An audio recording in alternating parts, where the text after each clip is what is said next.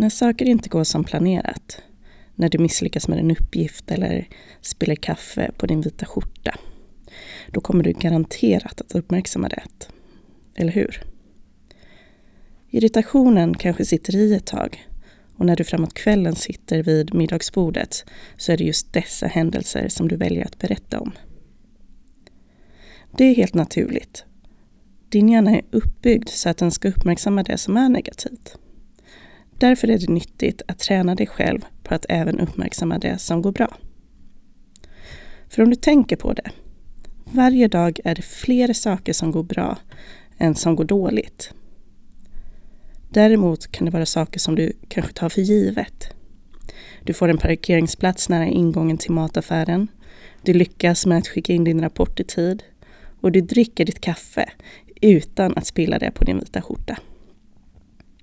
Det kanske låter som banala saker, men när du breddar ditt perspektiv kommer du uppmärksamma hur bra livet faktiskt är, trots några dåliga resultat här och där. I dagens övning ska du få åtta frågor som du ska ställa till dig själv varje kväll under en veckas tid. Skriv gärna ner svaren på frågorna så du kan reflektera ordentligt när veckan har gått. När en vecka har gått vill jag alltså att du ska reflektera över hur den här övningen har påverkat dig. Kom ihåg nu att använda pausknappen för att hinna skriva ner frågorna som jag nu kommer läsa upp. Så du har dem med dig inför den kommande veckan. Här kommer frågorna. 1. Vad har gått bra idag? 2. Vad har gått bättre än vanligt idag? 3. Vad var det jag bidrog med för att dessa förbättringar skulle ske? 4. Vilka goda tankar har jag haft om mig själv idag? 5. I vilka situationer borde jag ha haft goda tankar om mig själv? Och i så fall vilka? 6. När hade saker kunnat gå fel idag?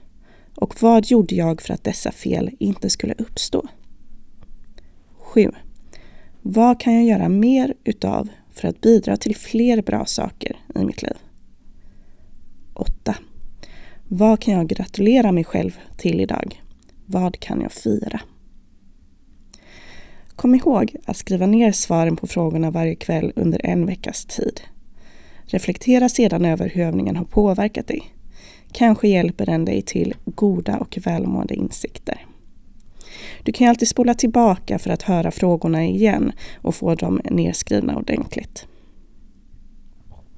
Rekommendera gärna Välmåendepodden till någon som du tror skulle uppskatta denna övning. Tack för att du lyssnar.